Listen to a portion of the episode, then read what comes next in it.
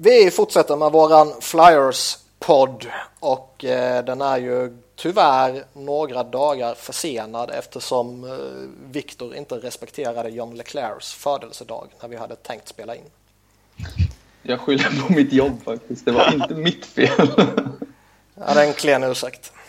Ja, jag vet. Ja. Det är någon som har ett jobb inom media någonstans så hör av er.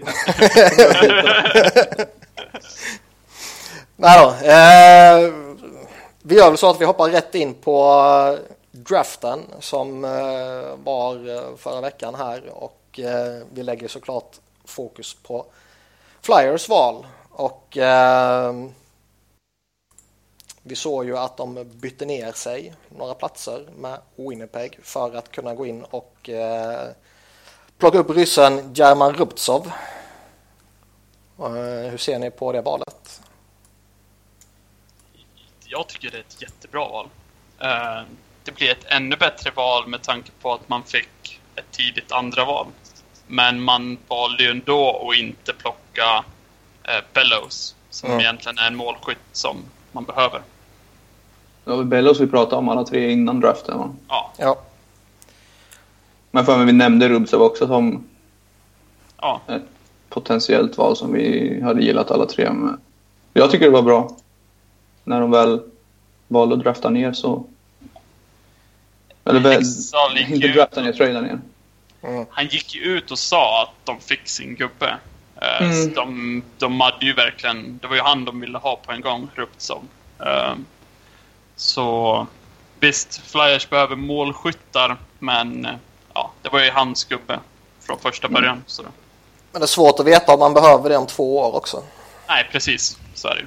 Eller tre eller fyra eller när han nu kan tänkas komma över. Mm. Det blir nog två år, verkar det som. Ja.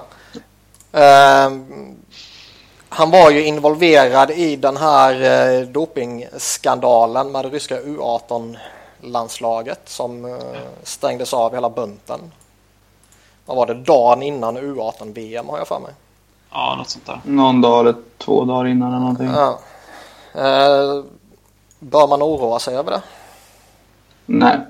Det har väl mer att göra egentligen med eh, som medical staff runt omkring tror jag.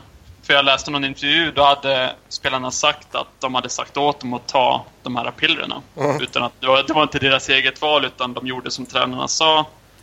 För att ja, de borde veta bäst och så blev det som det blev då. Ja, man är lite ung och naiv. Ja, Ja. och då...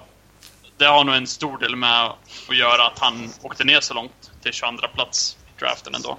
Mm. Rent talangmässigt. Ja. jag tro. Jag ska villigt erkänna att jag inte var jätteinsatt i honom innan draften.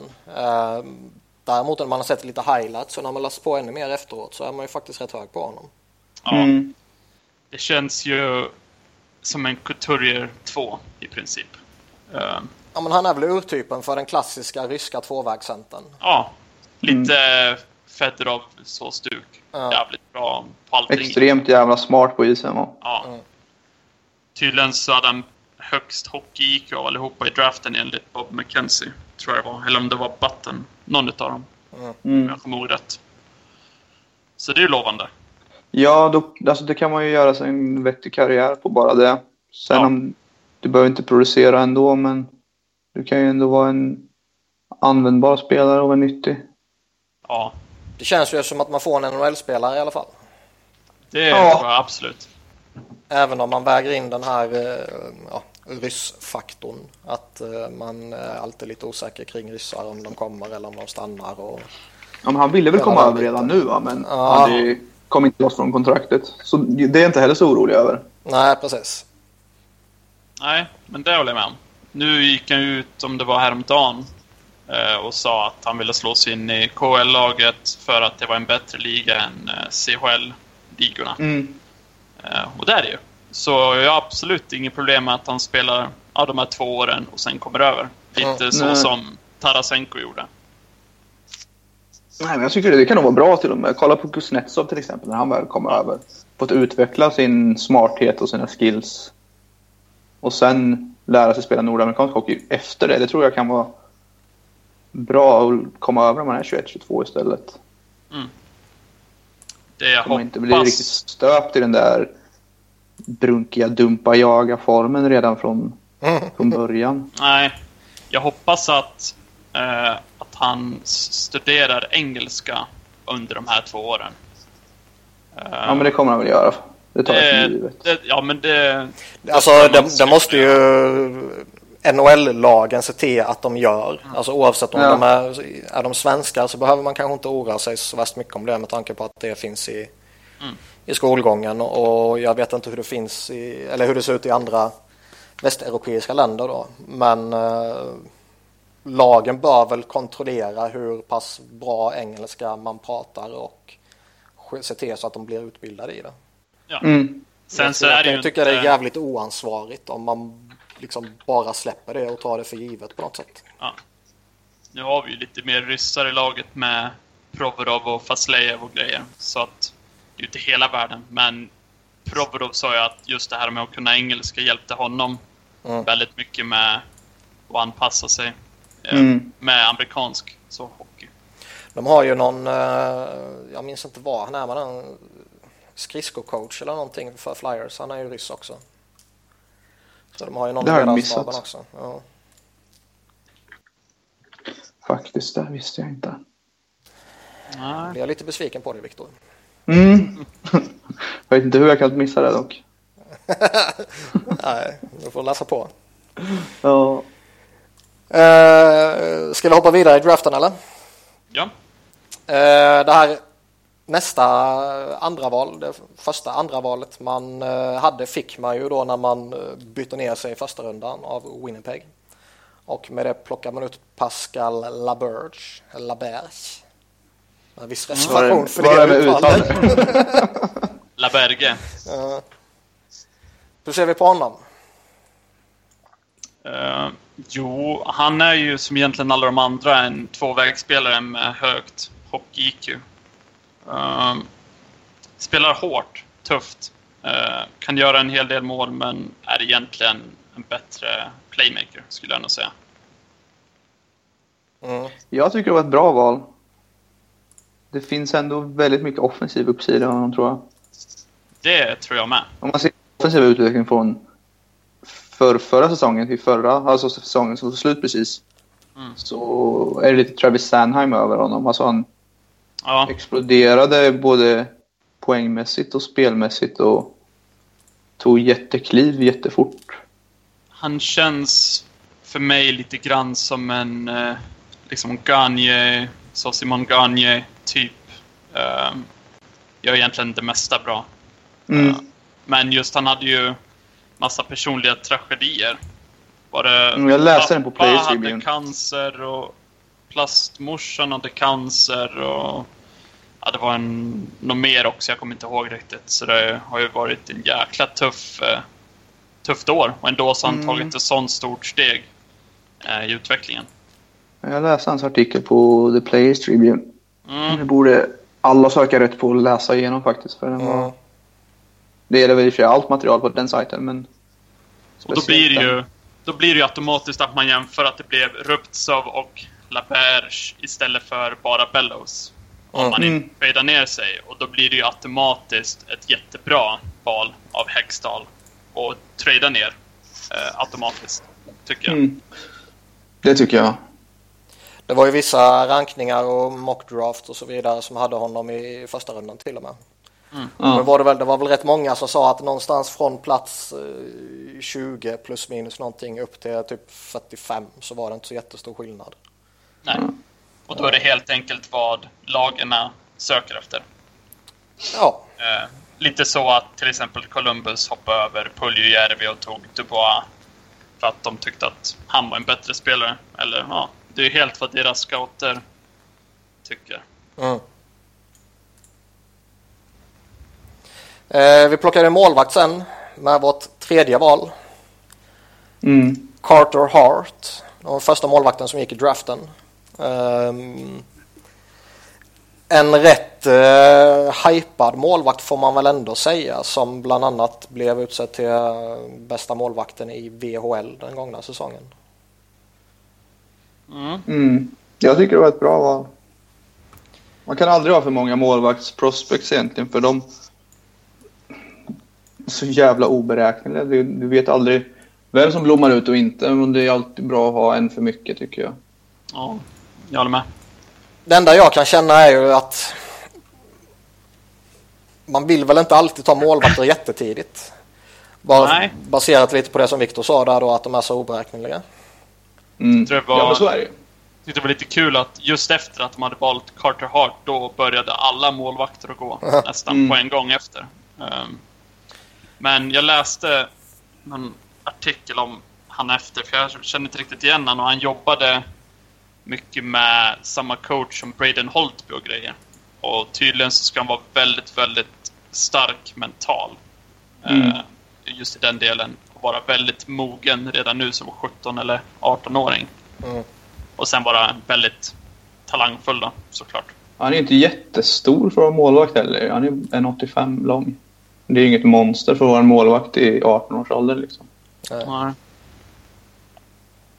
Nej, jag tycker det är ett bra val. Nu har vi så mycket målvaktsprospects så man blir ju nästan lite småkär allihopa. För det är många som är bra nu som man Mm. eh, gillar. Någon borde ju kunna bli något vettigt tycker man ju.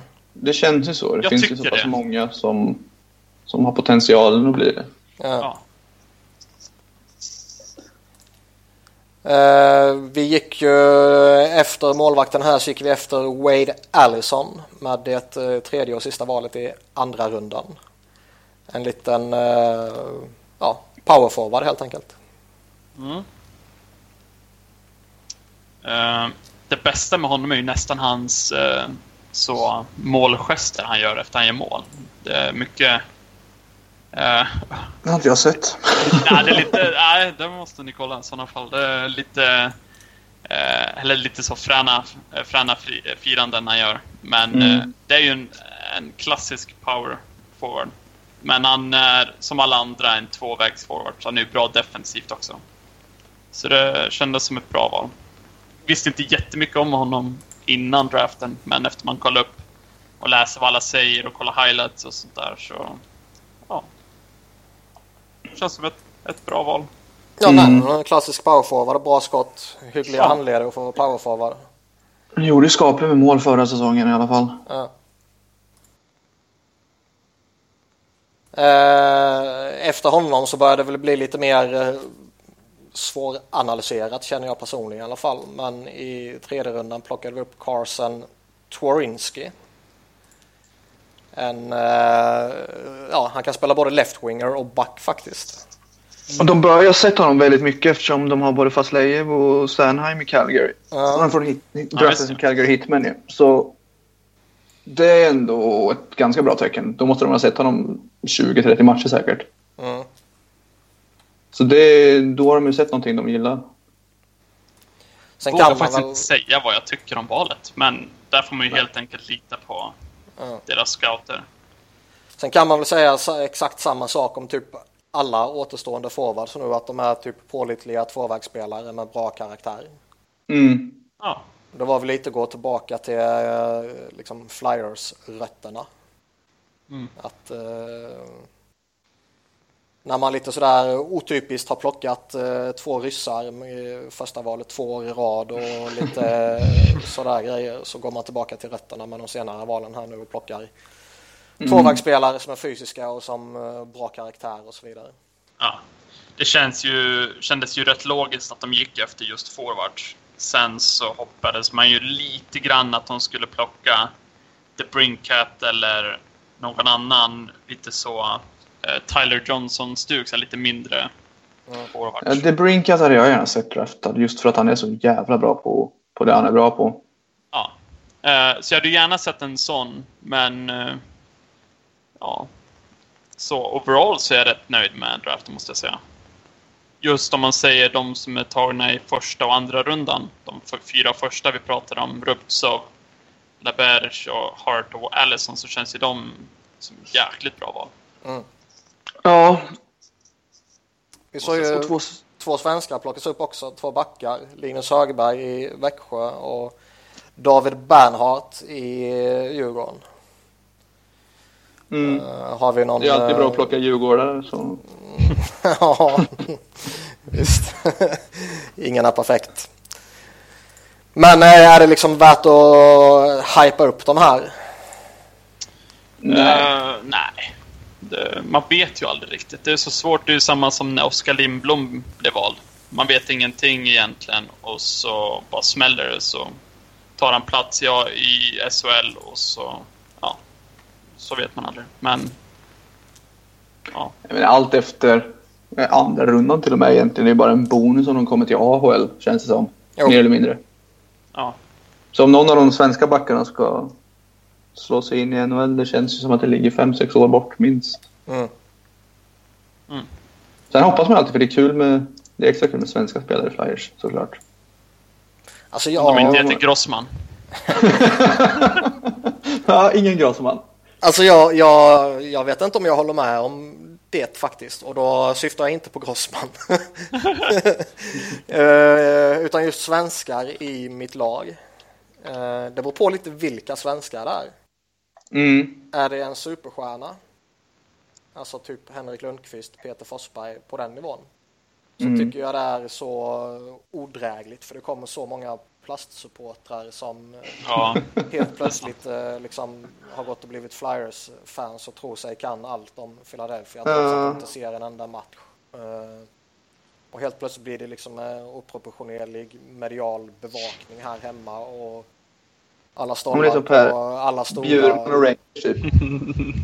Ja, men alltså han, han, är, han är ändå på plats där liksom. Han ser ju mm. Han, han, han tar ju in allting på plats och liksom jämför det med någon stolle som sitter på någon tidningsredaktion och som ser kanske typ sju och en halv match per säsong känns det som. Mm. Uh, och som ändå ska uh, sig rollen som någon form av expert liksom.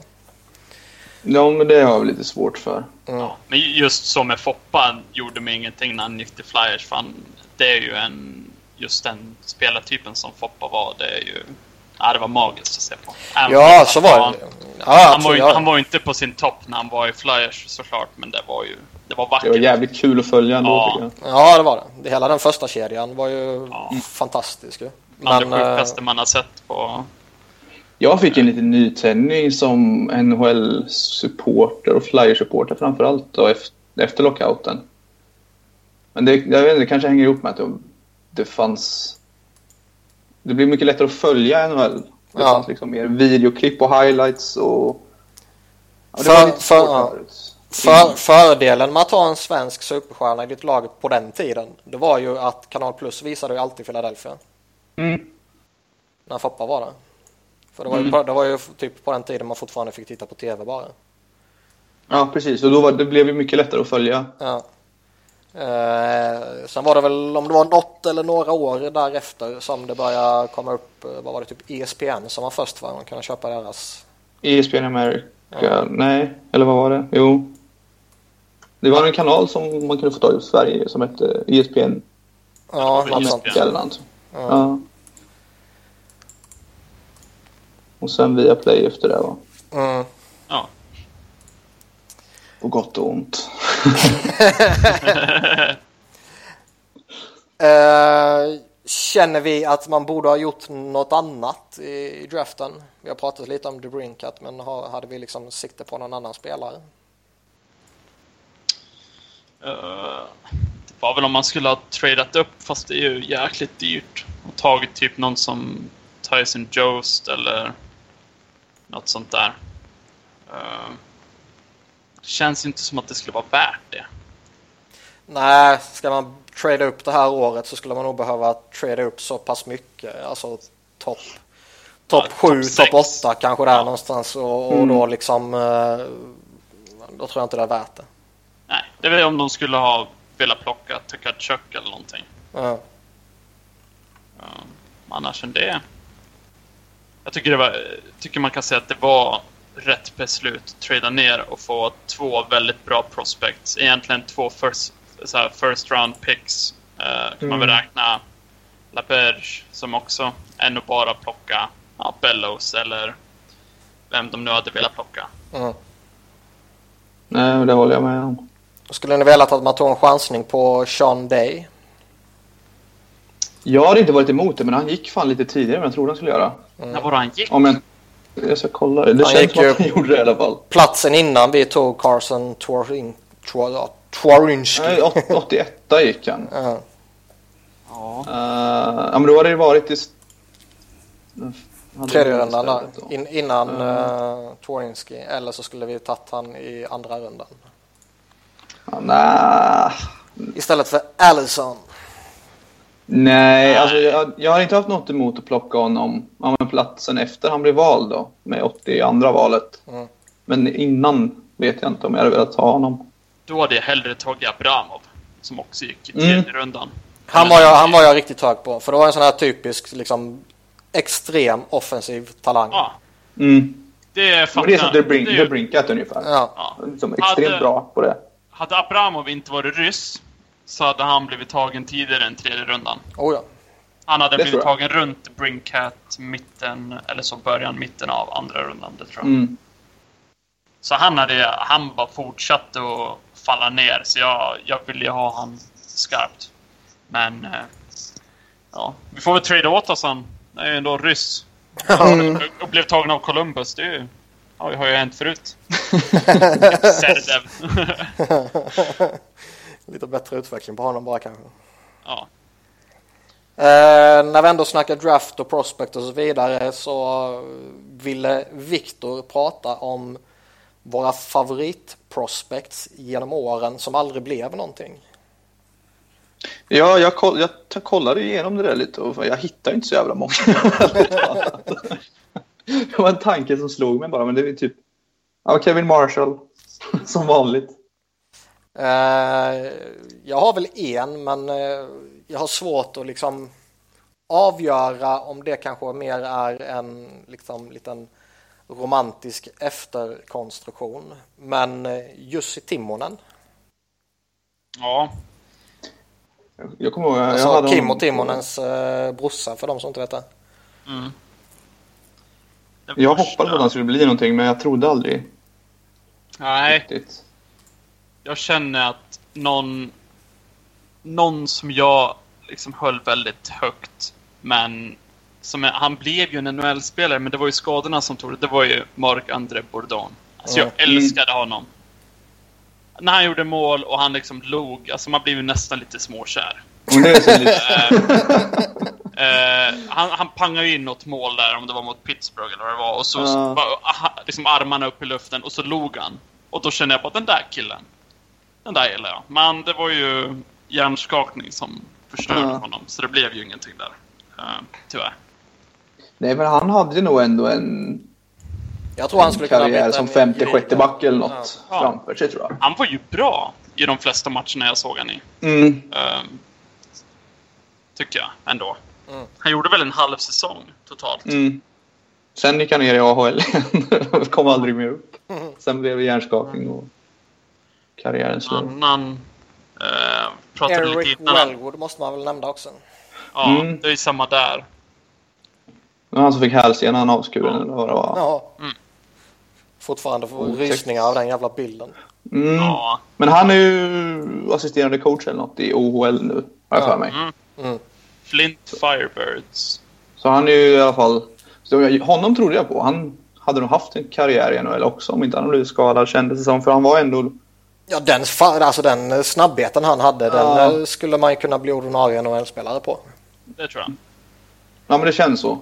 Mm. Och ändå någorlunda bra händer. Mm. Och inte helt tom i huvudet heller så. Finns det mer för roliga då? Jag fastnade lite för eh, David Lalibert Mm. med reservation för det fransk-kanadensiska uttalandet också. Eh, han kom upp där och var lite hypad och det var ju under en period när vi liksom när vi faktiskt draftade där? rätt vettigt. När vi hade liksom fått Pitkanen och Richards och Carter och, eh, och det gänget liksom så följde han ju året efter där. Så Mm. när han var på uppgång så var man lite tänd på honom också men han gjorde ju ett dussin matcher bara. Plockade ju Ja. en målvakt. När fasen var det? Med Riopel eller någon. Honom gillade jag. Uh, Nikola Riotta. och lätt. Mm. Maximo Lätt. Som gjorde typ två matcher eller någonting och var helt värdelös. Och så var det inget mer med det. Ja, var den här supertalangen. Ja, som, att det liksom blev aldrig någonting utan det blev väl AHL för honom tror jag. Ja. Och, Mm. ja. Men annars så har ju, även om de har tradat bort spelarna eh, Sharp och Williams och grejer, så har de ju eh, draftat jäkligt bra med de valen de har haft. Måste man säga. Om man kollar Jag tror det är tillbaka mycket nu- på Stefan Rosicka också, för övrigt. Mm. Han borde haft en längre NHL-karriär, tror jag. Jag vet inte vad som hände riktigt, men... Ja. Nej, jag minns inte riktigt det heller. Inte en aning. Men han gjorde bra ifrån sig i Europa sen när han väl stack hemåt också, så Ja.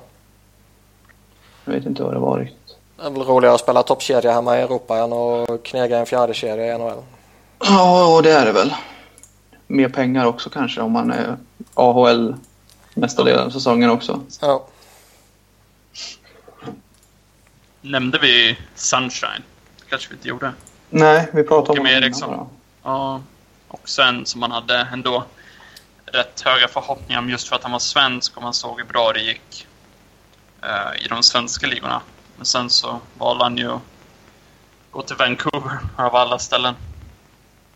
Mm. Så det blev ingenting där heller. ja, det var Flyers som släppte honom. Det var väl inte han som ville bort på det sättet. Nej, så var det nog. Flyers signade inte honom, så de tappade rättigheterna till honom. Och Precis, det stämmer. då gick han till Vancouver. Och det var också lite konstigt val, för då hade de Luongo och Markström, va? Eller Luongo och Eddie Leck eller någonting. Jag kommer inte ihåg. Ja, jag minns inte, men jag kommer ihåg det var, Det var- ett konstigt val. Ja, det fanns ju liksom öppningar i lag som, alltså öppningar som var betydligt bättre att ta sig igenom än Ja. Vancouver. Ja. Och nu är han hemma i Växjö igen. Jag Ja. kommer nog aldrig åka över igen då. Nej, det ska bli mycket till. Så bra är han väl Kan ju inte. bli KHL. Han är ju ändå bara 27, 26. 26. Så KHL kan det nog bli. Mm. Han har gjort en NHL-match och har ett goals against average på 10. Ja. han, måste ju åka, han måste nästan stanna kvar i Europa bara därför för att det ser så jävla uselt ut i statistiken. Eh, ska vi börja hoppa över lite mot NHL istället? Mm. För prospects. Och vi har ju lite kontrakt att diskutera och vi kan väl börja med eh, Radko Gudas som fick ett fyraårskontrakt på 3,35 miljoner cap Det var ju lite högre än vad vi hoppades på. Ja. För mig. Visst var det typ det. tre gånger tre eller någonting? det både lite eller för högt gånger tre. och lite för långt känner jag ju. ja. Sen är ju han ett jävla intressant fall. För han är någonstans är han ju urtypen för den här eh, fysiska backen i tredje paret som bara ska spela sarg ut och... liksom- Han har ju nu förvånansvärt bra första pass och, och sådär. ja. Han är ju inte Grossman-dålig på, med puck liksom. Det är inte många som är. Kanske ska lägga ribban lite högre då. Ja. Så det är en uppgradering mot, hon, eh, mot Grossman och Luke Chen som man egentligen får jämföra Gudas med. Mm, ja, men det tycker jag. Eh, absolut. Men alltså jag tycker ändå alltså han placerades ju in i en topp 4-roll denna säsongen och under perioder så var det väl till och med en topp 2-roll. Mm. Nu var det väl att han tvingades in i den rollen på grund av skador så det var kanske inte så att han förtjänade att sättas i den positionen så att säga. Men, Men han gjorde det inte dåligt hamnade- heller. Nej, när han väl hamnade där så gjorde han det ju bra tycker jag. han Mm. och Del Sotto var ju jäkla bra ett tag där Ja. tillsammans. Eh, sen så... Jag, jag gillar ju inte Gudas ibland just för de här idiotiska sakerna han gör. Men han, just om man går rent så uh, Ja, headhunter. advanced stats-grejer så ser det ju rätt bra ut. Eh, Jag tycker ändå den där idiotiska grejen är en liten, liten del av hans charm. Jo, ja, det är det okej, Det var lite, du- lite det där som gjorde att man gillade Zach Rinaldo innan sista säsongen i Flyers. Han var liksom så här helt tokig ibland och gjorde vansinniga grejer. Ja. Men han var ändå så pass... Typ när han spelade tre sekunder och pucklade på Rosell och fick matchstraff. Och, Ja, eller han sänkte... Vem fan var det i Rangers så innan han, han kastade handskarna ens? Eller var det Carcillo kanske? Jag minns inte. Men man vill ju bara omfamna allt det hatet man får då. Mm. Ja. Det är, liksom, det är ju det som är hela skälen till att vara Jag tycker det är så-. Kul i slutspelet när Gulasch inte blev avstängd för en boarding Ja. mot, mot Washington och jag går in på HF-board så läste jag den tråden. Alla härjar om att det ska vara 5, 6, 7, 8 Alltså, jag hade nästan- Det blir inget. Jag hade nästan kunnat signa på det här fyraårskontraktet. Eh, bara för hans skägg. Om de skulle gå långt i ett slutspel. Han får ju lite så här eh, Joe Thornton-vibbar. Vad det Mm. kan se ut som om de skulle gå långt. Eh, Ja. Men det är ju lite för långt och lite för mycket. Men han är ändå en bra back. Men ja, men sen tycker jag också, alltså ti- tittar man på statistiken och man tittar på vad han faktiskt har uträttat och så vidare så tycker jag att man kan föra rätt solida argument för att han ska ha det här kontraktet. Ja, Sen här tycker Mm. jag ju fortfarande att det är för långt och det är för dyrt. Men liksom, han har bäst course i, i laget och han har bäst course i, relativt till, till lagkamrater och så vidare. Och, eh, och till och med en av de bästa backarna i hela ligan Mm. i, i de två kategorierna. Och eh, liksom, han gjorde lika många poäng som Mark Strite i 5 mot 5 och han sköt fler skott på mål än Ja. Ghost. Liksom. Alltså, jag, jag tänker ju att han har fått stämpeln som defensiv back för att han är fysisk och sådär. Men han är, alltså, han är inte su- superutpräglat defensiv egentligen. Han gör inte så mycket poäng i och för sig. Men han är inte den han här har ju ett jävla urtypen av det. skott. Mm. Han skjuter ju Mm. hårt. Riktigt hårt. Men eh, just någon offensiv produktion, det räknar jag väl inte med. Men Nej. det är just längden som gör det för mig, det är om man tänker på vad han har för spelstil. Där kan du ju smälla fel på en tackling och så är han helt värdelös för att han blir skadad. Mm. Säg att Ja. han skulle råka göra en knee to knee och det tar illa på honom själv. Och så blir det bara skit av det. Och så har man han kvar på tre år sen. Mm. Nej, jag tänkte säga det. I och med att han redan varit borta rätt- rätt lång tid på grund av knäskada så, så får man väl lite oroväckande vibbar så sett. Ja. Det är väl lite därför man inte ville ha en så långt. För sen han är ju, när kontraktet går ut så fyller han 30. Tror Ja. jag. Så det är inte så att han är gammal nu. Ehm, så det, just så. Jag har Nej, inget och- emot att man har kvar honom. Jag tycker han är bra så. Ska man se på det rent krasst också så kommer vi väl förhoppningsvis de närmsta åren ha rätt många entry level kontrakt eh, Mm. i laget i allmänhet och i försvarsbesättningen i synnerhet. Mm. Så då kanske man kan leva med lite, lite för stort kontrakt på Gudas. Ja. Mm. Ja, men det är ju typ 500-600 000 för mycket och det är ju inte... Tycker jag. Manning, tycker ju uppenbarligen inte det, men... Nej, Så det jag gör- är säg, säg, säg det går två säsonger och så funkar det inte. Då är jag helt övertygad att man kan trada honom också. Mm. Det tror jag. Det är nog inga större problem. Det är Just bara så. att ringa upp Jim Benning. Han kommer ju fortfarande... Ett backpar med Goodbranson och Gudash. Ja, det måste ju vara Bennings största dröm ungefär. Ja. De skulle köra Lucas Bisa med uh, Good Branson nu. Har de sagt. Herregud.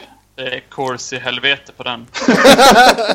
Fan vad de kommer spela försvarsspel. Det är mycket helvete på den ska jag säga.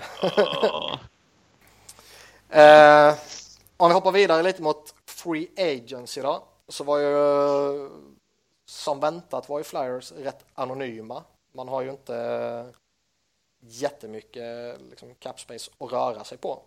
Eh, Nej. trots att vissa beatwriters var helt övertygade om att de i princip kunde gått efter vilken free agent som helst. Jag såg det. Flyers could afford him. Ja, Vad var det? exakt. Kashid. Nej, kanske Jag tror fortfarande på. Stamkos. Jag känner att vi kommer nog signa honom. Eller hur? Eh, Men man gjorde lite, eh, ja, signade upp två spelare för lite djup i forwardsbesättningen. Där vi såg, eh, vi kan börja med Boyd Gordon som signade ett ettårskontrakt på eh, 950 000 cap hit. Eh, hur ser vi på honom? Det är ju Jag tycker det är jättebra. Ja.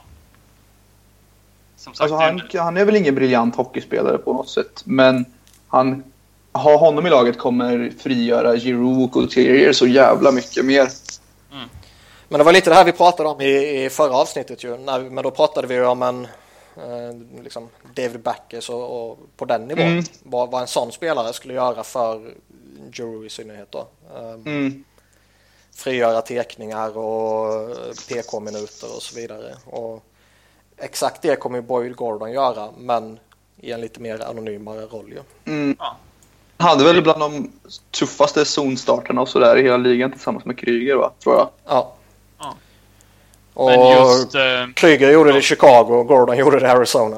Ja, precis. Jag menar, precis. alltså en fjärde lina roll och döda utvisningar och ta, flytta pucken från egen zon upp i anfallszon, det tror jag det är jättebra. Mm. Och Ja. som sagt, det tar energi att döda utvisningar. Ja. Ja, kan man skaka loss två, tre sådana minuter per match för en Giroud kanske så är det guld värt tror jag. Det är precis, det gör jättemycket. Och det där att inte behöva starta i egen zon varje gång också för Giroud till exempel. Mm. Ja. Det kommer Eh, också göra mycket. jag tror Bellemare kommer se bättre ut på en vinge också. Det tror jag också. Han Jättekonstigt. är, väl det, alltså, han är ju det i grund och botten va? Han är ju inte sen. Nej, nej, han har mig veterligen inte spelat center alltså på Nej. ordinarie basis så att säga som han gjort sedan han kom till NHL. Vilket ju är jättekonstigt. Du har en karriär som winger, kommer över som winger och Mm. slängs du in som center i en fjärde kedja. Nu vet jag inte riktigt vad Belmer har för tekningsstatistik, men det känns som varje gång han tar en tekning så förlorar de den. Ja, men Go- Gordon är ju grym liksom. ja. Gordon ligger på 55 procent eller något sånt där. Sen, Ja. Ja, sen tycker jag just tekningsstatistiken är Nästan 58. kanske ungefär i klass med tacklingsstatistik på att vara värdelös. De kan Ja, är det. Är ingen skillnad för 55 eller minsta grejen. 52. Men jag har ju hellre en som är eh, nästan 58 än någon som är liksom 44. Ja, ja absolut. Men Vilket, jag tänker mer, eh, det var jag läste att de borde signa en utpräglad tekningsspecialist, typ Manny Malhotra eller vem fan det var. Ja, nej usch. Och han, han kan ju bara teka och så, det är liksom som vilken puckduell som helst i princip. Ja, Bara för att du vinner en tekning så är det liksom blir du hyllad och har du 56 istället för 52 i tekningsprocent så tycker alla att du är en jättebra center istället för en ganska bra center. Jag minns inte, det måste, jag, jag tror det måste ha varit Bro Street, eh, ah, Bro Street Hockey heter de ju. Eh, Charlie måste det ha varit där som typ hade gjort någon koll om eh, det var någon skillnad mot att dumpa pucken och åka efter och försöka vinna tillbaka den eller faktiskt eh, komma in i zon, få skott på mål och få tekning.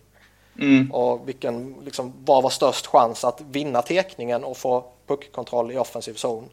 Eller eh, vinna dumpet så att säga. Mm. Och, och att det var typ skitsamma. Ja. Och jag vet, jag pratade med, med eh, Petter, numerärt övertag. Om det där med tekning, alltså hur ofta det blir mål inom, jag kommer inte ihåg vad vi satte för tidsram, typ fem sekunder efter vunnen tekning. Mm. Och det var så extremt jävla sällan. Jag kommer inte ihåg, men jag kan be honom ta fram det där igen. För det var ganska intressant. Mm. Men det var väldigt, väldigt, väldigt sällan. Ja, men just Gordon är ju en Adam Hall eh, signing Mm. som vi hade för ett par år sedan. Mm. Och det är... Det var någon som jämförde med Blair och Betts också, vilket jag tror kan Ja. vara rätt... Uh, Betts gillade som fan när han var i Flyers. Det var ju en riktig kämpe. Helt Ja. värdelös, men en riktig kämpe liksom. Ja. Eh, Äkta Flyers-spelare. ja. Nej, men lite så att... eh, Jag tycker det är jättebra att... Eller det känns bra att Hextall inser att han måste förbättra botten 6. Mm. Eh, för just Ryan White och Vanderbilt, det, det är ju ren skit. Men Vanderbilt är väl kvar va? ja. Mm. Men ja, när vi ändå är inne på det så kan vi hoppa vidare till den andra forwardsigningen som kritade upp på fyra år och 2,35 miljoners capita i Dale Wiese. Eller Weise om man vill gå på Arnes kärleksbarn. eh, vad är spontana känslan kring honom? För långt och för mycket. Mm. Men just så spelartypen, som sagt, jag förstår varför de vill ha han. Men det är för Mm. långt och det är för mycket. Jag, jag personligen är ju ingen riktigt fan, men jag tror ändå att det kan bli okej. Om man kan fortsätta som man gjorde i Montreal och göra lite Mm. mål och ja, sådär. Jag gillar honom mest bara för att han hatar Milan Lucic. Ja, Det är en väldigt bra egenskap att ha. sätt han på isen när de möter Lucic. Det Eh, nej, jag håller ju också med såklart att det är lite för långt och lite för dyrt. Men eh, jag tycker väl också det är relevant att blicka ut mot marknaden. Mm. Och eh, tittar man på vilken marknad det var den här sommaren så är det väl egentligen inte ett orimligt kontrakt han får på det sättet. Eh, alltså jag förstår ju varför han får det. Såklart. Mm. Men det är ju just det man vill ju trycka ner priset så gott det går. Men vad hade varit alternativet då? Jag menar, Alltså man undrar ju vad... att inte signa honom. Då Mm. hade man ju haft ett hål kvar i laguppställningen och behövt plocka in någon ändå. Och vad finns det istället som ska fylla samma roll ungefär? Jag undrar ju vad Ryan White hade för krav som gjorde att eh, han budade bort sig själv. Och sen Ja. fick ta ett skräpkontrakt med Arizona. För det har ju Hextall bekräftat att liksom, nej han ville gå för Mm. Jag fattar inte det där, för han signade väl ett år en miljon Ja. med Arizona. För det Mm. hade ju Hextall... ja, det skulle man tagit direkt. Ja. Ja, men jag tror att han ville ha typ 3-4 år och en och en halv miljon eller något kanske. Ja. Jag tror det har längd mer än Ja. pris kanske. Det var ju någon som spekulerade lite också att han ville ha garanti om speltid och roll och sådana här saker. Nej, men oavsett. Alltså jag, jag tycker att Ryan White var en ganska underhållande spelare att ha i laget. Men det gör mig inte ett dugg att han inte är kvar. Nej, jag avskyr han. Usch. Ja, jag med. Det, ja, så, han, det är bra att han försvann. Så länge jag inte spelar PP så är det helt okej. Ja, ja. Ja, alltså Det var jag blev därför man började tycka illa om honom då. kväll. Varje gång andra PP-linjen kom in och han ställde sig framför målet. Nej, nej, usch. Ja, men det är skönt att slippa det. Vi Ja. får se om, om Weiss kommer att göra det bättre där då. För han kommer förmodligen kanske ta den rollen då. Mm. Ja, men det gör mig ingenting. Han är ju ändå rätt stor och stark. Så att Mm. just att han ska stå... Han har, ju fakt- han har ju faktiskt visat eh, någonting som Ryan White eh, överhuvudtaget inte har visat är ju att eh, han kan under perioder kliva upp i hierarkin Mm. och bidra. Ja, men det skulle ju White aldrig klara av. Nej. Men kollar du... Kollar man vad, vad Dale Weiss har gjort rent poängmässigt de senaste två åren. Mm. eh, så är det ju runt eller 29 poäng, 10 mål 2014-15. Och så 14 mål, 26 poäng på 56 matcher. Alltså det är Mm. ändå helt okej. Så att om han kan ha en sån säsong när han ligger på 25 plus poäng och 10 plus mål. Mm. eh, så gör det absolut ingenting för mig. Mm. Eh, men det är typ Matt Reed-siffror ju. Sista Ja. två säsongerna. Och han är inte lika ovårdad som White är heller. White kunde Han hitta på nästan- massa jävelskap. Nej, man kollar hans utvisningsminuter. Det är ju 22 minuter. Ja. Mm. Eh, ja, 24 minuter i år. På, ja, vad det nu blir. 70 Nej, men det är ju ingenting ju. Det är ju ingenting. Eh, Vad hade så White? just så, eh, om man tänker uppgradering från White så tar ju Dale Weiss alla dagar i veckan. Mm. Mm. För 1 350 000 mer. Eh, White hade 101 minuter. ja. Så det är ju definitivt en uppgradering. Mm. Både med Gordon och Weiss. Mm. Ja, det är det absolut. Eh, vi såg lite djup i försvaret också när de signade upp eh, hemmasonen TJ Brennan på ett tvåårskontrakt med 625 000 eh, capita. Mm. Har vi någon liksom, känsla kring det eller är det bara gulligt Jag och så går man vidare? Men jag tycker ju att även om han kanske inte gör en enda NHL-match så är det på tiden att Phantoms blir något alltså, som, ut, som kan utmana i slutspel till och med. Mm. För de har varit ett sånt jävla uselt lag i... De har kan det väl vara? Fem? varit dåliga ända sedan de flyttade från Philadelphia har jag mig. Ja, ja, men något sånt. Nu ser de jävla bra ut. Ja, precis. Och jag menar, du, det ger mer konkurrens för Sanheim och, och allihopa där nere. Och det ger dem en vinnande miljö att utvecklas i. Och Ja, de Ja, får, de får spela med på bättre spelare. Och sådär. Ja, exakt. Så även om man inte gör en enda NHL-match så tycker jag det är en jättebra värvning. Mm. Det är samma med Andy, han? jag- Andy Mil eller vad han heter. Vad sa du?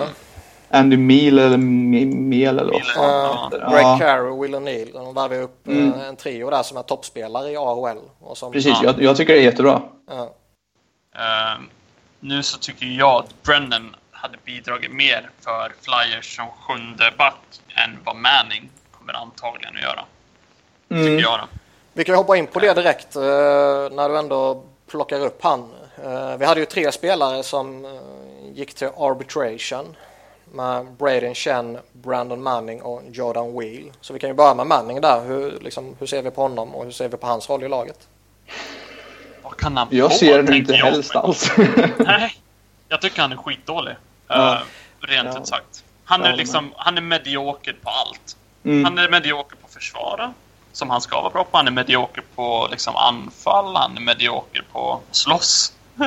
liksom det, Han får bara stryk. ja. Men det, det som är lite intressant med honom är ju att han, han var ju faktiskt en väldigt producerande back i AHL och var ju någon Ja. form av powerplay-specialist där. Det har man inte Mm. sett ett skit av i NHL. Nej. Men jag tror att det är att hans beslut och det, det tar någon tiondel för lång tid så det funkar inte alls. Jag tycker han också tar för mycket utvisningar.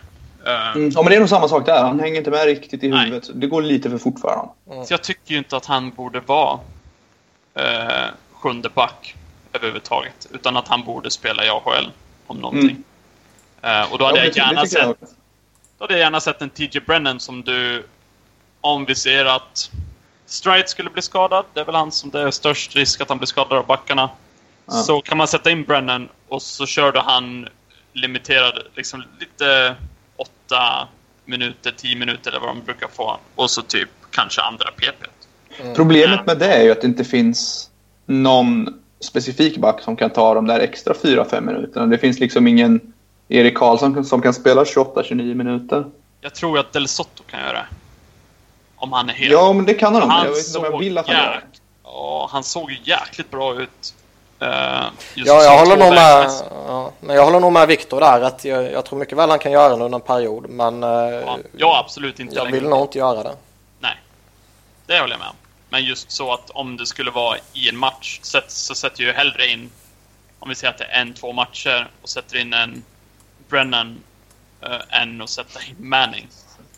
Alltså jag skulle Ja. säga att det här Ja. är väl eh, ett tämligen eh, utmärkt läge som Flyers hamnar i med Manning här. Att eh, se vad han kan få i arbitration och gillar man inte det så dumpa honom. Ja, men jag, alltså, jag har ju svårt att se att han får mer än 700-800 tusen alltså. Han kan ju inte få det. Vad, har- vad har han nu? Han hade 625. Ja, men han får väl en löneförhöjning med kanske 100-150 tusen då. Ja. Ja, men det kan, jag, det kan jag ändå köpa att Hextall acceptera. Fast samtidigt så behövs det inte. Du kan lika gärna släppa honom och låta honom gå och göra vad fan han vill. Ja.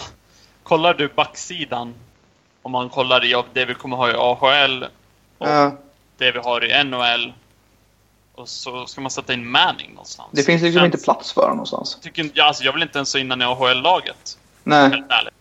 Nej, och där kan han inte spela heller. För han har för många proffsmatcher. Så han räknas som en Ja. av de sex, sex eller sju veteraner eller vad fan det är ju. Mm. Mm. Så då tar han ju en plats för men Brennan eller någon annan av de äldre spelarna i truppen. Känns inte jättelångt, eller så långsökt att han kommer att släppas. Tycker jag. Nej, Nej, jag hoppas det. Nej för an- annars känns det som att... Alltså jag tror inte han hade tackat nej till ett kontrakt om Hextall hade erbjudit honom ett redan. Jag tror inte han hade sagt nej till ett, alltså ett, en förlängning med samma lön till och med på ett år. Mm. Jag tror han hade sagt tack så mycket, vi kör på det. Så jag tror inte han har fått något kontraktförslag ens. Nej, jag vet faktiskt inte. Men så kan det nog vara. Det kan nog Men ligga det det. känns, det, det Då är det hans, som- alternativ, eller hans möjlighet att få ett kontrakt, det är ju att gå den vägen. Ja. Det känns ju som att han platsar inte in någonstans egentligen. Nej. Nej men det är redan för många backar i NHL-truppen liksom. Ja, och så ska Provorov in. Med Ja, största exakt. sannolikhet. Om vi hoppar vidare till Jordan Wheel då. Liksom, vad fan ska han i arbitration göra? Ja, var- Nej, jag vet inte. Men det, det kanske är samma sak där. Ja. Han har inte blivit erbjuden någonting. Ja. Jag garvade så hårt när det kom fram att han hade också sökt. Jag tänkte, jaha, Nej, men vad för, ska han dit göra? ja, för man bara, alltså han gjorde 10 matcher i Kings, noll poäng. Mm. Han gjorde fyra matcher i Flyers, noll poäng. Mm. Han drog på sig två utvisningsminuter i Kings, det var det enda han gjorde. Jag hade Eh, jättegärna skickat ner han och haft han i AHL. Just för Det hade att jag också gjort. Jag tror ju- jättebra Ja, ja. AHL-spelare. Första center Jag tror ju att det finns Ja. liksom möjlighet att han spelar i AHL i Phantoms. Så. Men Jag tror, jag tror inte att om du sätter honom på waiver så tror jag inte något lag plockar upp honom. Nej, inte man gör det i samband med kampen där när det Nej, hamnar exakt. eh, herrans massa på, på waivers dagligen liksom. så hade man kunnat fått ner honom i, i, till Phantoms. Då ser de, eller redan nu så ser de jättebra ut. Mm. Alltså verkligen så contender-material. Eh, måste jag säga. Mm. Så det är ju jäkligt kul. Plus att jag de nu får dem in en- Sandheim och Kubel och sådär. Mm. Men jag skulle kunna ge honom ett envägskontrakt till och med. Bara för att han ska tjäna lika mycket i AHL som i NHL. Skitsamma liksom. Flyers har mycket pengar. Ja, ja. Och så det finns han ändå där som... sannolikhet att han inte kommer att bli tagen. Mm, ja, det också. Och då har du liksom ändå en spelare som kan hoppa in i- NHL förmodligen och, och ändå ha en plats liksom och göra ja, men vad han gjorde i år ungefär. Ingenting, men ändå spela i NHL. Ja. Om man får Han- han fyra skador liksom, Mm. så finns det någon som är tillräckligt talangfull för det på något sätt. Så det är en väldigt bra försäkring att ha i AHL, men jag vill inte ha honom i NHL-truppen och sitta i pressläktaren hela säsongen som jag gjorde nu. För det tror jag inte han vill heller. Nej. Nej. Det är väl förhoppningsvis en plats som är vikt åt uh, Van der Velde. Ja, Precis. Han kan ju sitta och ruttna där och käka popcorn. det gör inte mig ett dugg. Nej.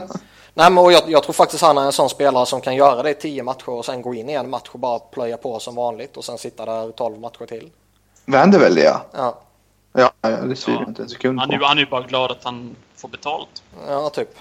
Men Det hade jag. Det är som om jag skulle spela i NHL ungefär. Ja. Jag skulle kunna sitta på läktaren i 20 matcher, sen hoppa in och göra fem minuter och vara gladast i världen ändå. Hela Sen tiden. få en hjärnskakning och sen vara borta tre månader. Ja, ungefär. Så får hjärnskakning första bytet Nej, men-. Jag hade gärna tagit liksom så Di Pietro-kontraktet och blivit betald en och en halv mille till 2029 eller vad det är. ja, Eller Cavalier jag då. Han har Ja. väl ännu mer betalt. Ännu längre, Kanske han har. har jag för Men mig. något sånt hade jag kunnat ta. Jag hade inte behövt spela. Jag kunde ha tagit pengarna så hade jag Mm. nöjt mig. eller hur? Eh, den stora spelaren som gick till arbitration annars det var ju Braden Chen. Och eh, ska vi oroa oss över honom? Det tycker Nej. jag. Alltså, a, a, alltså, Har an, du, har grejen du är- ja eller nej Johan? För an- antingen är det ju bara en formalitet som man gör liksom som, som spelare och agent. Eller så eh, kanske de är jättelångt ifrån varandra. jag tror nog att de är rätt långt ifrån varandra.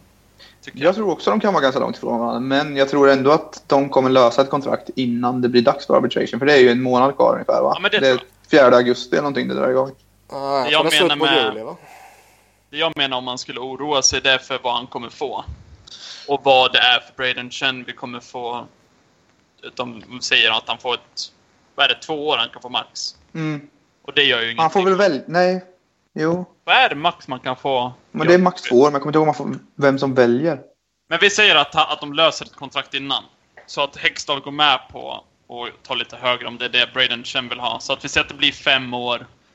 Och jag ser ju inte en värld där han kommer få under fem miljoner. Uh, nej, det finns inte. Det, nej, och det är ju lite synd. Jag hade ju helst haft han runt 5 miljoner eller lite lägre. Ja, men jag tror jag inte att han får det. Alltså. Det Nej. finns ju inte en möjlighet. Men man ser vad han producerat, vad likvärdiga spelare får. Typ Kyle Palmieri i Devils och vilka det nu var mer. Det var, det fanns ju några liknande ju. Ja. Då är ju Trocheck som också skrev nytt, Riley Smith. Eh, och vad ligger deras på? Riley Smith har Han fick ju fem fem gånger fem. Exakt. Ja. Och, det var 4,7 ja, i sex år. och då gjorde ändå Trocheck ja, liknande Mm. siffror. Jag tror både han och eh, Riley Smith gjorde liknande som Chen. Och Palmieri Ja, är ju- var liknande. Ja, Så att runt ja, fem år kommer det antagligen att vara. Jag hade förvånat mig om det blev mindre eller Mm. Men jag är rädd att det kommer bli fem plus. Det är där jag... Det, det, det är därför jag är lite orolig just för att det gick till arbitration. För att det känns som att nog borde Hextall ha gått med på 5, 5x5. Om man säger så. det tror jag. Men jag tror ju att Chen vill ha typ 5,5. Ja. Han kanske vill ha ännu mer, jag vet inte. Men 5,5 var det ändå, hade inte varit orimligt om man ser till hans produktion, hans ålder, hans Mm. utvecklingskurva och alltihopa. Ja, men då kommer man också 5,5 till... Kommer han att hålla den? Kommer han att bli ännu bättre? Eller kommer han gå tillbaka till Braden Chen för, om man säger året innan?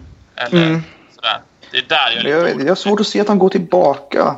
Speciellt, speciellt med eh, coachen vi har nu. Det känns ändå han, som han har ju blivit bättre för varje år. Så det Mm. ser ju bra ut så. Eh, och spelar han som han gjorde, om vi ser den här säsongen, eller till och med blir bättre, då är ju jag han fem, fem och en halv i fem år utan att ens tänka Mm. igen. För så, han var ju den enda som var bra mot Washington, till exempel. Ja. Han var bäst i hela laget från nyår och framåt. Ja. Så han såg jäkligt bra ut. Och då, Och jag tror inte det är en slump att han såg så bra ut så pass länge heller. Nej. Nej. Men det är just det att han har ju varit så ojämn förut så man vet inte eh, om han kommer att hålla det. Det är ju det man... Man vill ju inte signa upp han på de åren och den, den capen och sen så kommer man tillbaka till att vara borta i tio matcher, vara bra i två, borta i tio, bra i två. Mm. Sådär. Man har ju alltid 2020 hindsight, men eh, Mm. med facit i hand skulle man ju signat honom tidigt på säsongen. Absolut. Så. Mm. Då hade man kunnat få honom för ja, men Couturier-kontrakt Ja. ungefär. Ja, det tror jag med. Men det är ju lätt att sitta här och säga nu. Ja. Men jag, jag hoppas ju, det känns ju, han är vad är han, 24 och han har blivit bättre varje år. Visst känns det som att han skulle kunna ta ett steg till? Ett litet steg till i alla fall. Ja, Tror jag. upp på, Hitta lite mer jämnhet och... se upp på 30 mål.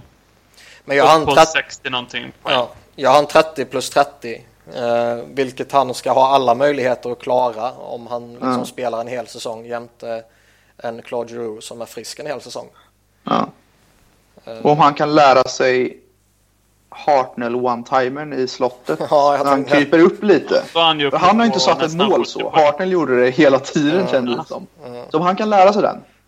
För det är, alltså, det är svår att skydda sig mot. Lär om han lär sig snipa den, Då kommer han göra 5-6 mål till på en säsong. ja, utan problem. Det tror jag. Så, nej, men jag, jag, vet inte, jag är inte orolig. Jag tror inte de kommer trada honom. Jag tror inte han kommer få ett hutlöst kontrakt som man ångrar om två år heller. Jag tror... Jag tror... Det blir ett vettigt kontrakt som... Ja, men som både fans och spelare och ledningen nöjda med på något sätt. Mm. Ja, men får han fem, fem år, fem miljoner, eller fem år, fem och en halv miljon. Då var, det är väl var det klart liksom. Ja. Då är det klart.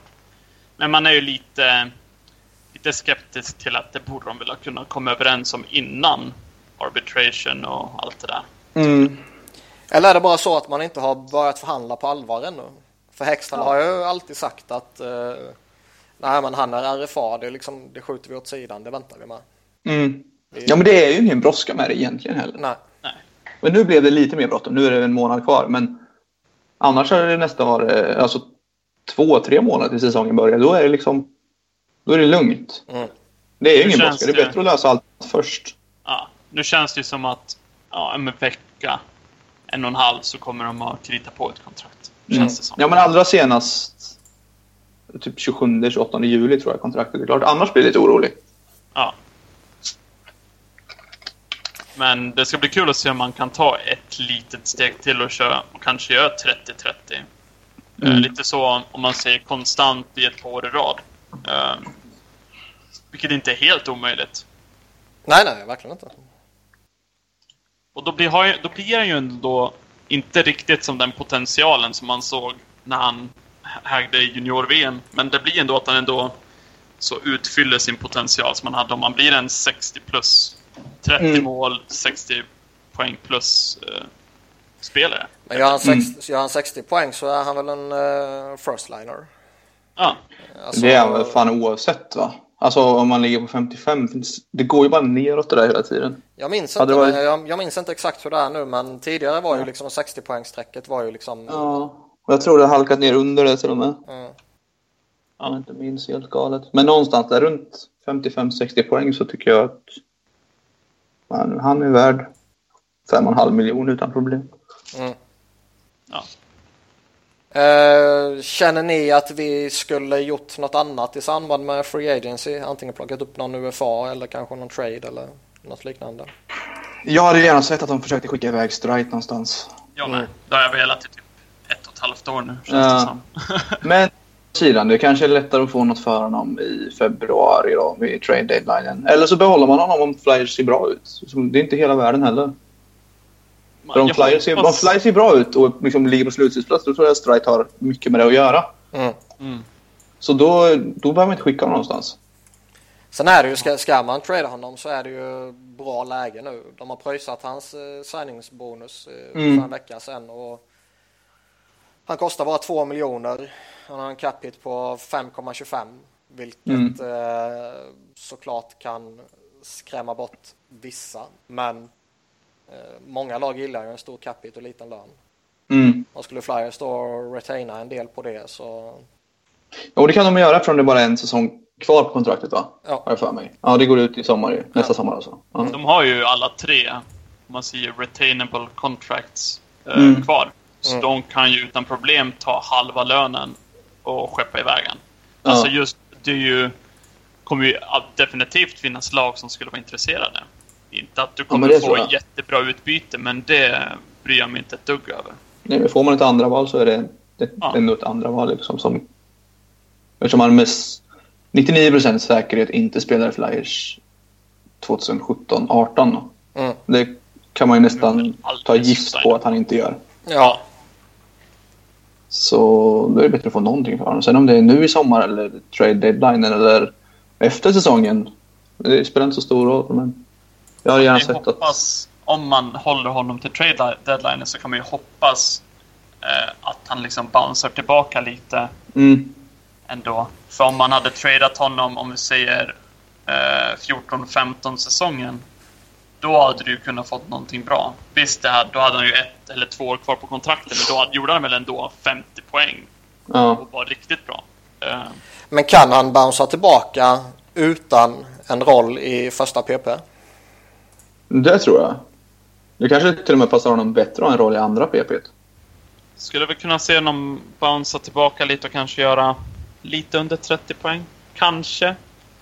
Jag Eh, tänker 30-35 någonstans. Om man Ja. har en någorlunda bra säsong. Men grejen med det jag tyckte med honom, visst poängproduktionen var ju en sak, men han var ju långsam och Mm. såg svag ut. Eh, Men han bröt sin penis också. Ja, alltså, jag tycker ju sett synd om ut då? Jag vill ju nästan, jag vill ju nästan ge honom lite mer pengar bara för att han bröt penis. Liksom. Eh, eh, men ja, det- man såg ju att det var ju inte samma spelare. Nej, han nej, är det ju var ändå jätteskillnad. 38 bast, så... Å andra sidan så kanske han har återhämtat sig jättebra. För nu var han tvungen att stressa tillbaka tror jag. Jag tror inte han var färdig för att spela egentligen kanske när han, Mm. när han kom tillbaka. Mm. Och så nu har han vilat redan nu i tre månader. Eller vad är det? Snart tre månader. Mm. Och han ska inte spela World Cup va? Eh, jo, Han ska det. Jag kommer inte ihåg. Europa. Ja, men där kommer han ha en väldigt liten roll känns det som. Det tror jag. Och då har han ändå vilat i ytterligare två månader då, så... Nej, jag vet inte. Han kanske... Han kanske kan studsa tillbaka. Utan... Jag tror lite grann, kanske. Jag tror inte att vi kommer få upp han på en 40 plus poäng eller något sånt där. Nej, det tror, inte, det tror inte jag heller. Inte utan första PP-tid i alla fall. Nej. nej, för det är lite det, alltså, det, det jag menar med den frågan är ju att han, han är ju lite den här powerplay-specialisten.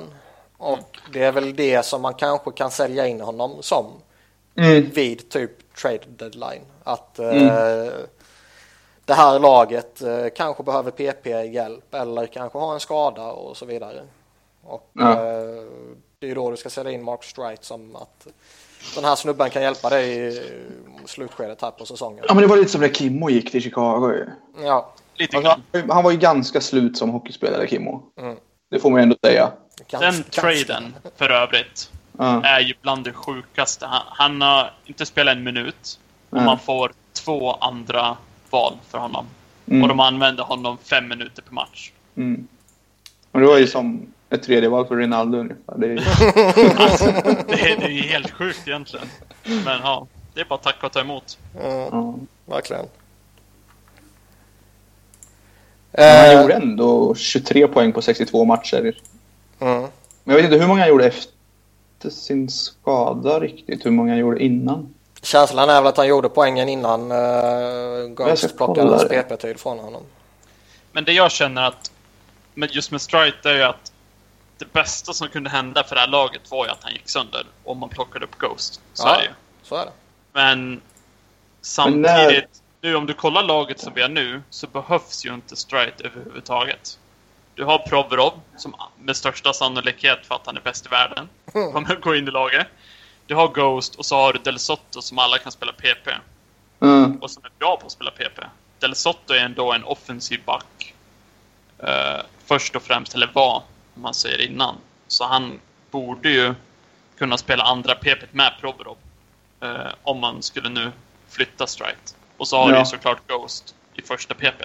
Så det, han behövs ju egentligen inte. För det är inte så att Strite är en bra defensiv back.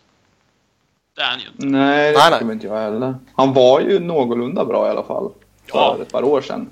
Så är det Han gjorde för övrigt 9 av sina poäng innan skadan på 16 matcher, Mm. tror jag. Jag fick fram. Så jag skulle ju jättegärna flytta honom just för att få lite mer cap. Och det känns ju som att man har backar för att täcka upp det. Mm. Och sen kanske få in en forward till. Mm. Eller bara ha cap. Liksom, där. Det gör ju ingenting. Det är lite sjukt att säga så att Flyers kan gå förbi trade deadline med massa cap space. Men just efter nästa säsong, då har vi cap space så det finns ju... Ja. det finns att signa kontrakt om man säger så. Ja, ja. Mm. Så det ser ju jäkligt bra ut. Och det gjorde det inte för ett par år sedan. Herregud. Eh, om vi hoppar vidare lite till, lite, ja, blickar lite in i framtiden och sådär. Men vi börjar med att eh, snacka lite olika training camps. Vi har ju development camp som pågår eh, och sen har vi ju rookie camp och training camp som kommer så småningom. Eh, Mm. Vilka känner vi kanske har en plats, alltså en NHL-plats då, att spela för under de här camperna? Så jag tror ju bara det är Provorov egentligen. Kanske Connectny, men en... eh, Jo, nu tror jag Connectny spelar för en plats. Det tror jag. Ja, men ja, Men just, han är väl just för hans... i alla fall. Men jag tror ju, alltså, han har ju så extremt liten chans att ta en plats. Ja, det känns ju som att just Provorov... Vad ska han göra för att inte ta en plats? Han är ju... Han måste ju vara klappkass för att inte spela i NHL tror jag. Ja, Och jag tror han tar en plats ändå första nio matcherna. Även om han gör en dålig camp så tror jag han får Ja. spela. Alltså jag vet att Hextall förespråkar tålamod och hela den där biten. Men alltså jag är svårt att se att Provorov blir, alltså kan bli så mycket bättre på att spela i VHL en säsong till. Nej, men alltså det här tå- tålamodsresonemanget kändes det inte som att man tillämpade det för ett år sedan. Jo, jag tyckte det. För det Och var ju, känns det var ju som att- faktiskt snack om att han kunde vara NHL-aktuell redan den gångna säsongen. Mm. ja. Han sa ju Hextall i en intervju nu när campet börjat om... Nu kommer jag inte ihåg exakt vad han sa, men det var att om spelaren, en ung spelare kan göra oss bättre nu och Mm. det inte skadar honom långsiktigt så då tvekar han inte två sekunder på kvar Nej. Nej, och liksom... Och just med Provorov så blir du ju du kommer, de kommer ju bli mycket bättre med honom. ja. Samtidigt sa han ju också något om att unga spelare inte ska ta en plats för givet och vad det nu var han pratade om. Jag kommer inte ihåg riktigt. Jag läste Nej, han, han, han sa ju att eh, han- kommer inte ge en plats till några unga spelare utan Nej, precis. de ska förtjäna den. Ja. Så han kommer inte gå in i kampen med en NHL-plats utan han kommer gå in Nej, i kampen för att förtjäna en NHL-plats.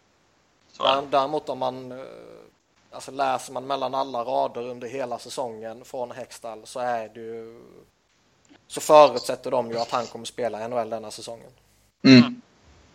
Men det gör väl alla egentligen. Ja, Det var väl Craig Button tror jag han sa på NHL draft, eller så på draften att han hade ringt eller smsat Hextall när han var och kollade på Brandon Wheatkings och sa att hans andra bästa försvarare eh, spelade där och menade då att det bara var Ghost i hela deras Mm. NHL-lag som var bättre än Provorov. Jag, tror, jag tror Del Sotto är bättre i typ ett år eller två till. Ja. Faktiskt. Men annars, det är inget snack om det. Jag Provorov är ju som sämst tredje bästa back i NHL-truppen, tycker jag. mm. Men just på baksidan så känns det som att det är Provorov, Moran, Sanheim som slåss om en plats. Och det har ju egentligen varit de som har varit närmast Mm. senaste två åren. Moran har ju ändå... Alla har sagt att han behöver flera år för att slå sig in, men han har ju ändå hängt kvar länge. När Mm. de har eh, så gjort truppen mindre. Och var jäkligt nära, var det för, förra året? Och slå sig in. Han var bland de sista som fick Mm. åka ner. Mm. Så visst, det är ju de som slåss om det, men jag tror det tar mycket för att de, just Sanam och Moran ska ta en plats. Då känns det Ja, ändå som man, att Sanham tror jag inte gör det oavsett. Alltså. Det- Han kan ha världens bästa camp. Jag tror inte han spelar i NHL när säsongen börjar ändå. Nej, han kommer lira AHL. Ja. Moran tror jag kan vara en sån där som eh, kallas upp vid behov. Men får man en skada på typ McDonald eller Schultz så tror jag att, eller Gudas för den delen, så tror jag att Moran kan vara den första som kallas upp då. Ja, För att det på någonstans känns det som att han har både förtjänat det och det är snart dags att visa att, han är på väg på något sätt. För hans egen del. Han måste visa att det faktiskt händer någonting. Ja, så han inte blir en ny Robert Hägg liksom. Mm. Men Hägg så jag... Han sa ju någonting idag om att han... han hoppades på att bli nya Ghost. Ja, så var det. Just det. Jag tyckte det var... Ja, han vill upp i NHL, men liksom vad fan, Mm. det är klart han måste säga det. Ja. Jo, jo, i och för sig. Men... Han hade ju han hade ett han vill. jättedåligt år. Så eh, det är ju väldigt långsökt. Mm. Men förhoppningsvis så kan han ju liksom komma igång lite i utvecklingen. Han är ändå bara 21. Ja, Så jag kan ju inte skriva av honom ännu. Det känns som han är äldre bara för att han har varit i AHL i... Är det tre år redan va? jag tror det är tredje året nu. Jag tror han gjorde 10 matcher ett år och så har han gjort två fulla säsonger. Ja. Men nu är det ju även ett bättre lag. Så att Mm. nu, om något år så borde det här vara året han tar ett steg och visar att han är redo liksom. Mm.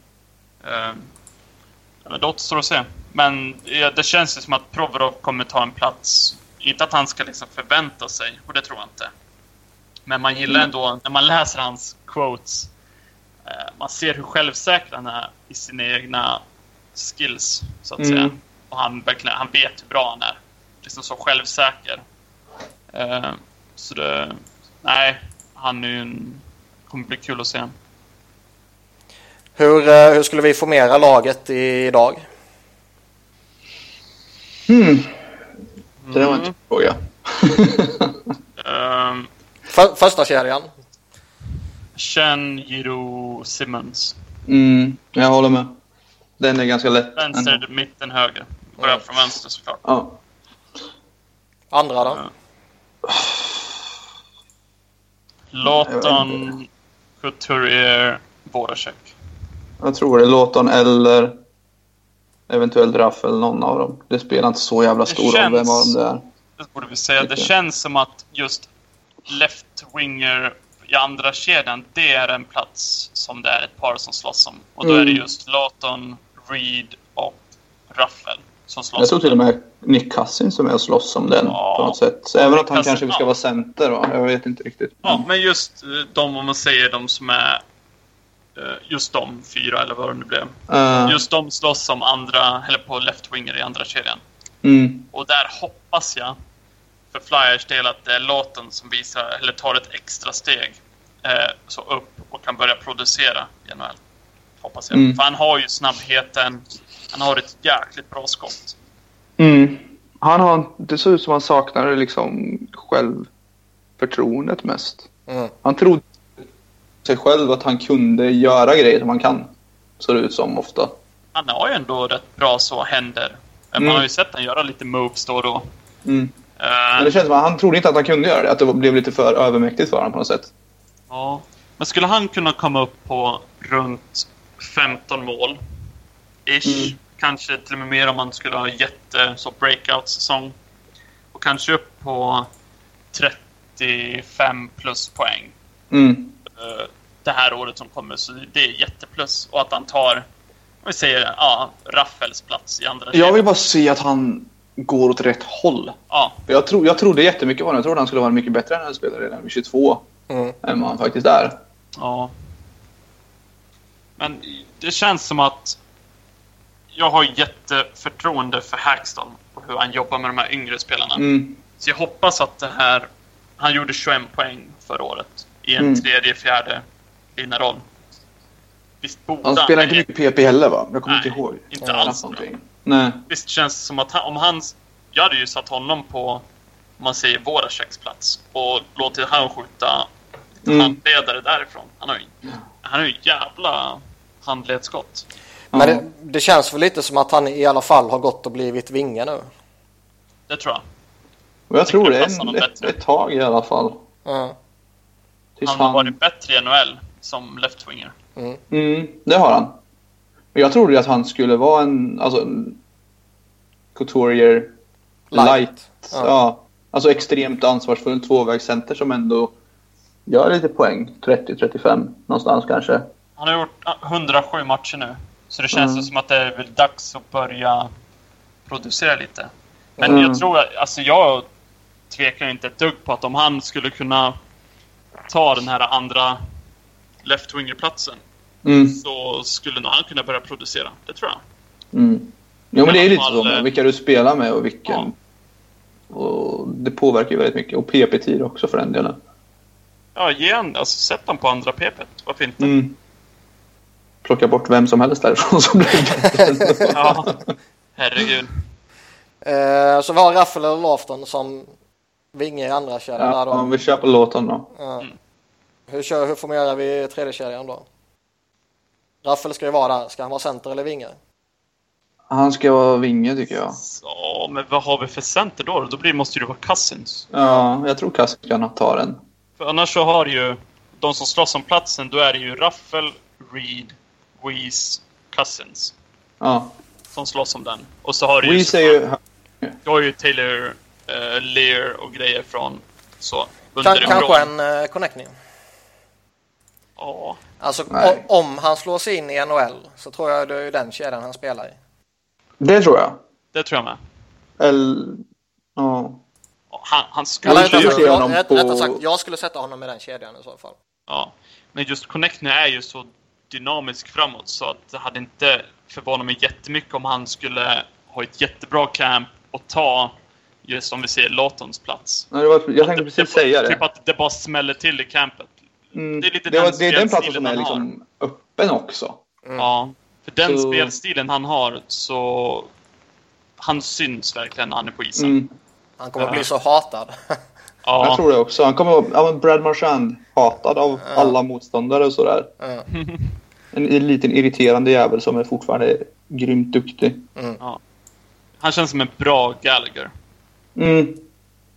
Ja men om blir han lika bra som Gallagher så är jag jättenöjd med det. Ja, ja. Jag tror han kommer vara bättre än Gallagher. Han känns, han känns som en liknande... Alltså, han spelar som Gallagher hårt och Mm. fysiskt med att han kommer vara mycket, mycket bättre. Han är ju Han har bättre, lite eh, bättre händer och sådär. Ja, bättre skott, snabbare. Eh, bra pass. Mm. Sådär, han bra på allting. Mm. Eh, men det känns ju som att han skulle kunna ta den platsen. Ja, eftersom han är högerskytt också skulle jag gärna ha honom på vänsterkanten. Sen... Ja. Mm. Så han Men- skulle ju kunna ta den, men jag, det, det känns som att just för den här skadan han fick i slutet av säsongen så känns det som att Hextall kommer spela det safe och så har man expansionsdraften som kommer, inte den som är nu, men nästa. Och sånt där som spelar in. Så att, ja, jag vet inte. Nej, men jag tror det ska till något extremt för att han ska... Alltså han kanske gör några matcher för att få känna på det, för att liksom få en liten belöning för bra kamp. Men jag tror inte han fullföljer säsongen i Flyers. Ja, typ Braden Chen är borta tre matcher. I början Mm, av säsongen. ja, exakt. Får han spela tre matcher i tredje kedjan. Eller. Precis. Eller Det skulle, inte- det skulle inte jag ha några större problem med. Eller i första på Chens plats till och med. Skitsamma. Ja. Låt han... Då får han liksom se vad som krävs också på lite annat sätt. Vi har förutsatt att han inte är med i ordinarie uppställningen då. Och då har Mm. vi Rafael Cousins och ja, det är Matt Reed. Mm, det är väl den tredje va? Eller Ja. Weeze... De vill nog ha han som tredje liner, känns det Ja, som. ja, men det känns så. Och då tror inte jag att Cousins kommer ta plats. Nej. Men fjärde är Boy Gordon och... Fjärde Mm. är ju, då har du ju eh, Belmer vänster, Gordon och eh, Vanderbilt. Det kommer det antagligen vara. eh, Även fast jag hoppas att det inte blir det. Om Ja. nu inte Cousins tar en plats, för då kommer Weeze åka ner i fjärde kedjan antagligen. Men Cousins Mm. måste väl ta en plats. Jag tyckte han såg riktigt bra ut så, så, så, den här jag tycker det också. Ja, jag med. Men då är det ju Men då ska han vara bättre Frågan. än Reese också. Och det kanske han inte är än. Han, han är säkert om ett par år, men han kanske inte är det än. Det är ju inte jättelångsökt heller att om Cousins tar plats eller att de känner att han kommer att ta en plats, att de skeppar iväg Reed. Nej, det tror inte jag heller. Det, det skulle mycket väl kunna hända. Då är ett hög cap hit.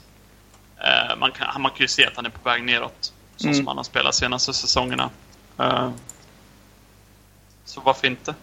Han är ju fortfarande jättebra defensivt. Så jag hade ju gärna haft kvar han just... Men jag, gill, jag gillar ju inte hans kontrakt. Eh, Jag gillar inte han- honom i PP. Nej. Just Hans så kontrakt har jag offensivt. jätteproblem med, Så egentligen. offensivt överhuvudtaget senaste två åren har ju varit helt värdelöst. Ja.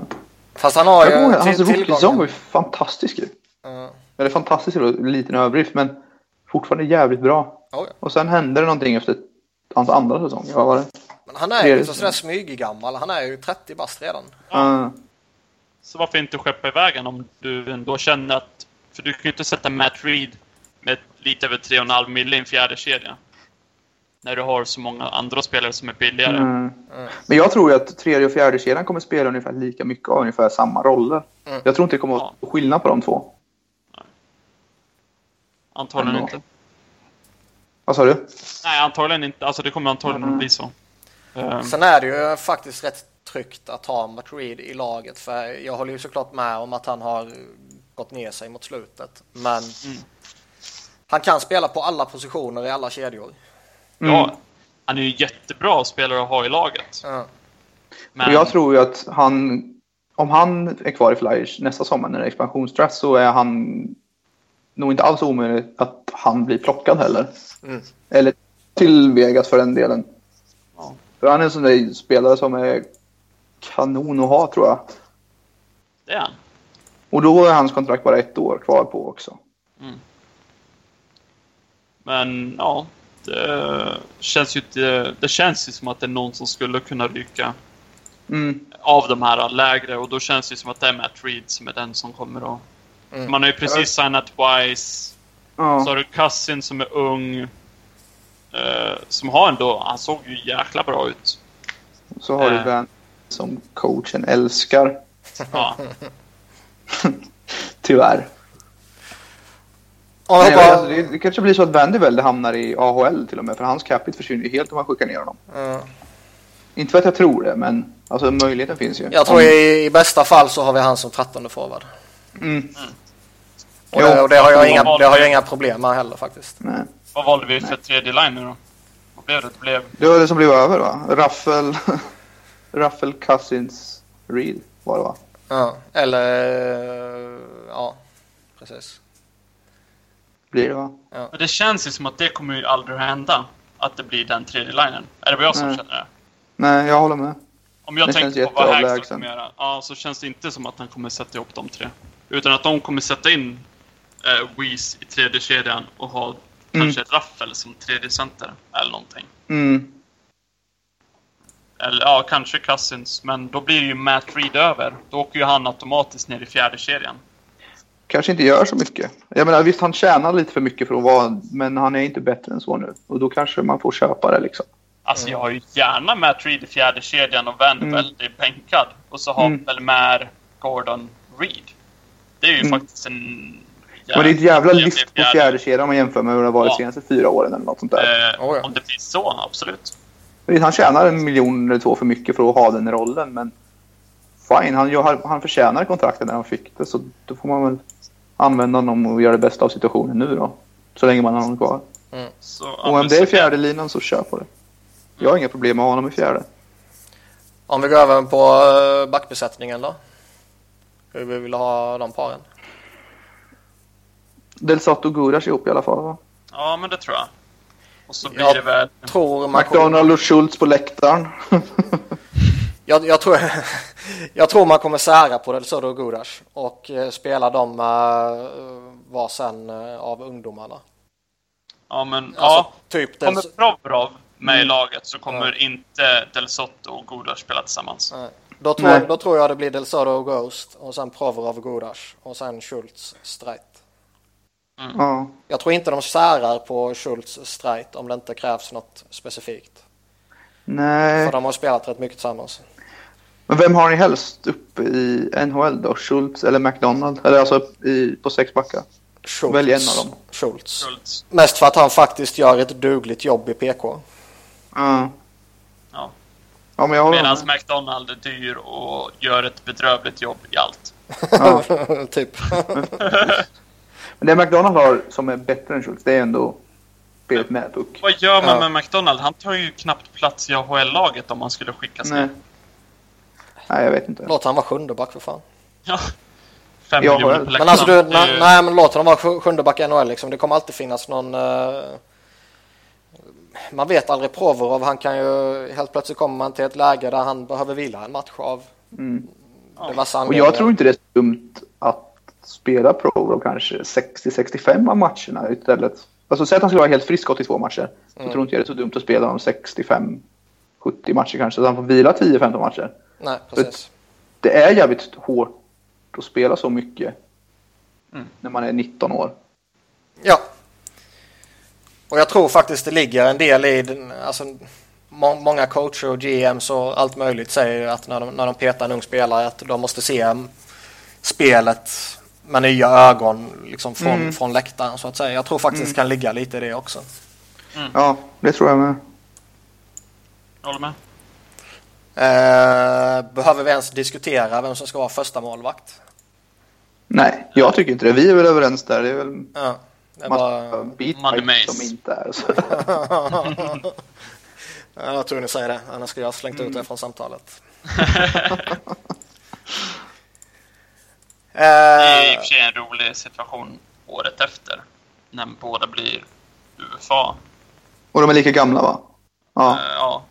Vad gör Ja, man? men alltså då, då behåller man en som har rimliga kontraktskrav sett till prestation tycker jag och plockar upp Stolars eller Lion eller Sandström för den delen, vem det nu kan bli.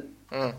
Jag tror ju Stolars kommer att vara redo att vara Mm. backup efter den här säsongen. Det tror jag också och då behåller man den. Ja, men säg att Mason vill ha ett sjuårskontrakt värt 5 miljoner. Då kanske man skippar honom och tar Nöjvi på fyra år och till jag, 3,5 miljoner eller något. Jag vet inte vad han vill ha. Ja, men det är kontraktet som Mason har nu typ. alltså. Ja, ungefär. Mm. Så rent hypotetiskt, alltså du väljer det bästa av de två. Sett Ja. till både prestation och lönekrav och allting. Det känns ju som att Stolars kommer vara lite som Matt Murray blev för Mm. Pittsburgh. Lite så att han kommer upp. Och vinner Eh. cupen åt oss. Ah, riktigt så långt kanske inte, men lite så spelmässigt. Han kommer upp och visar att han eh, är bra. Och att Mm. det inte blev som att när han blev uppkallad i år och han bara fick sitta på bänken. För att man Mm. vågade inte, för man jagade slutspel. Eh, Mm. Så nu tror Men jag... jag tycker det var rätt att inte spela honom. Även att Mason var helt slutkörd så tycker jag det var rätt att inte kasta in Storas någonting.